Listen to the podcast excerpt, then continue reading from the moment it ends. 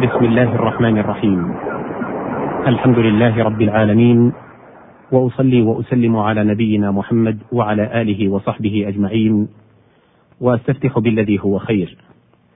أحمد الله سبحانه وتعالى وأحييكم أيها المستمعون الكرام وأرجو الله سبحانه أن يوفقنا وإياكم إلى تقديم ما فيه النفع والفائدة. الحمد لله فاتحة كل خير. وتمام كل نعمة. أحمده سبحانه وتعالى حمدا كثيرا طيبا مباركا فيه وأصلي وأسلم على نبينا محمد المبعوث بأبين كتاب والناطق بأفصح لسان صلى الله عليه وعلى آله الطاهرين وصحابته أجمعين. أما بعد فقد أنزل الله كتابه بلسان عربي مبين قرآنا عربيا غير ذي عوج فلم يجد هؤلاء الذين نزل فيهم في فهمه شيئا من عناء ولم يكابدوا في تعرف مراميه أي مشقة. لنقاء ألسنتهم وسلامة سلائقهم وغلبة الفصاحة عليهم. وإن جهلوا منه شيئا سألوا عنه رسول الله صلى الله عليه وسلم وهو بين ظهرانيهم فيكشف لهم عن الوجه فيه ويبصرهم بالغامض عليهم. وقد ورد في الصحيحين عن ابن مسعود رضي الله عنه لما نزلت الذين آمنوا ولم يلبسوا إيمانهم بظلم شق ذلك على أصحاب رسول الله صلى الله عليه وسلم وقالوا أينا لم يظلم نفسه؟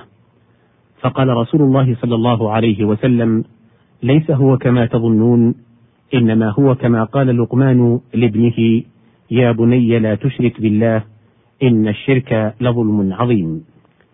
وورد فيهما أيضا عن عدي بن حاتم رضي الله عنه قال: قلت يا رسول الله ما الخيط الأبيض من الخيط الأسود؟ أهما الخيطان؟ قال إنك لعريض القفا إن أبصرت الخيطين. ثم قال: لا بل هو سواد الليل وبياض النهار. واستمر عصره صلى الله عليه وسلم إلى حين وفاته على هذا السنن المستقيم وجاء العصر الثاني وهو عصر الصحابة جاريا على هذا النمط سالكا هذا المنهج فكان اللسان العربي عندهم صحيحا محروسا لا يتداخله الخلل ولا يتطرق إليه الزلل. إلى أن فتحت الأمصار وخالط العرب غير جنسهم من الروم والفرس والحبش والنبط وغيرهم من أنواع الأمم الذين فتح الله على المسلمين بلادهم. فاختلطت الفرق وامتزجت الألسن وتداخلت اللغات ونشأ بينهم الأولاد الذين ولدوا من غير العرب. فتعلموا من اللسان العربي ما لا بد لهم في الخطاب منه وحفظوا من اللغة ما لا غنى لهم في المحاورة عنه وتركوا ما عداه لعدم الحاجة إليه وأهملوه لقلة الرغبة والباعث عليه. وتمدت الأيام والحالة هذه على ما فيها من التماسك والثبات واستمرت على سنن من الاستقامة والصلاح إلى أن انقرض عصر الصحابة والشأن قريب والقائم بواجب هذا الأمر لقلته غريب. وجاء التابعون لهم بإحسان فسلكوا سبيلهم لكنهم قلوا في الإتقان عددا واقتفوا هديهم وإن كانوا مدوا في البيان يدا. فمن قضى زمانهم على إحسانهم إلا واللسان العربي كما يقول ابن الأثير قد استحال أعجميا أو كاد فلا ترى المستقل به والمحافظ عليه إلا الأحد وفي ذلك قطعا مبالغة من ابن الأثير فدعت الحاجة إلى التأليف في شرح غريب القرآن الكريم ولكن ما المراد بالغيب؟ يقول الإمام أبو سليمان حمد بن محمد الخطابي البستي الغريب من الكلام إنما هو الغامض البعيد من الفهم. كما أن الغريب من الناس إنما هو البعيد عن الوطن المنقطع عن الأهل. والغريب من الكلام على وجهين. أحدهما أنه بعيد المعنى غامضه لا يتناوله الفهم إلا عن بعد ومعاناة فكر. والوجه الآخر أن يراد به كلام من بعدت به الدار من شواذ قبائل العرب. فإذا وقعت إلينا الكلمة من لغاتهم استغربناها. وأقدم ما وصل إلينا من تأليف في غريب القرآن الكريم ما يعزى إلى ابن عباس رضي الله عنهما. فقد أثر عنه شرح لغريب القرآن الكريم على ترتيب سوره. وقد اشتمل هذا الشرح على سور القرآن الكريم كلها ما عدا سور الفتح والقمر والمجادلة والحشر والصف والجمعة والتغابن والتحريم والليل والتين والعلق والقدر والبينة والزلزلة والعاديات والقارعة والتكاثر والعصر والهمزة والفيل والماعون والكافرون والنصر والمسد والناس.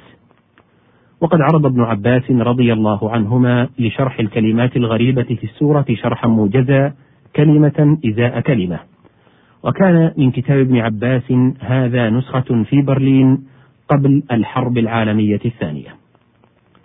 وإذا تركنا شرح ابن عباس هذا فيقال إن أول من صنف كتابا في غريب القرآن الكريم هو أبو سعيد أبان ابن تغلب البكري المتوفى سنة إحدى وأربعين ومائة للهجرة. ويرى بعضهم أن أول من صنف أبو عبيدة معمر بن المثنى المتوفى سنة عشر ومائتين للهجرة. فجمع كتابا صغيرا لم يسبق إليه فيكون قليلا ثم يكثر. والثاني أن الناس كان فيهم يومئذ بقية وعندهم معرفة فلم يكن الجهل قد عم. ثم تتابعت المصنفات بعد ذلك بحيث لم يخل قرن من تصنيف.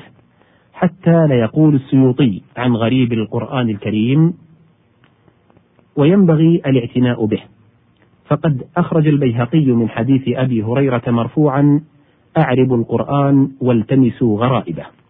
قال أفرد بالتصنيف هذا النوع خلائق لا يحصون. وأخرج عمر وابن عمر وابن مسعود حديثا موقوفا مثل السابق. وأخرج من حديث ابن عمر مرفوعا من قرأ القرآن فأعربه كان له بكل حرف عشرون حسنة ومن قرأه بغير إعراب كان له بكل حرف عشر حسنات. قال والمراد بإعرابه معرفة معاني ألفاظه وليس المراد به الإعراب المصطلح عليه عند النحويين وهو ما يقابل اللحن لأن القراءة مع فقده ليست قراءة ولا ثواب فيها. قال وعلى الخائض في ذلك التثبت والرجوع إلى كتب أهل الفن وعدم الخوض بالظن فهذه الصحابة وهم العرب العرباء وأصحاب اللغة الفصحى ومن نزل القرآن عليهم وبلغتهم توقفوا في ألفاظ لم يعرفوا معناها فلم يقولوا فيها شيئا. فأخرج أبو عبيد في الفضائل عن إبراهيم التيمي أن أبا بكر الصديق سئل عن قوله تعالى وفاكهة وأبا فقال أي سماء تظلني أو أي أرض تقلني؟ إن أنا قلت في كتاب الله ما لا أعلم. وأخرج من طريق مجاهد عن ابن عباس قال كنت لا أدري ما فاطر السماوات حتى أتاني أعرابيان يختصمان في بئر فقال أحدهما أنا فطرتها يقول أنا ابتدأتها. وأخرج ابن جرير عن سعيد بن جبير أنه سئل عن قوله وحنانا من لدنا فقال سألت عنها ابن عباس فلم يجب فيها شيئا. وأخرج من طريق عكرمة عن ابن عباس قال لا والله ما أدري ما حنانا. وأخرج ابن أبي حاتم عن قتادة قال قال ابن عباس ما كنت أدري ما قوله ربنا افتح بيننا وبين قومنا بالحق حتى سمعت قول بنت ذي يزن تعالى أفاتحك تقول تعالى أخاصمك. وأخرج عن طريق مجاهد عن ابن عباس قال ما أدري ما الغسلين ولكني أظنه الزقوم. هنا نتوقف عند هذه الحلقة. وإلى بقية في حلقة تالية بإذن الله أستودعكم الله والسلام عليكم ورحمة الله وبركاته.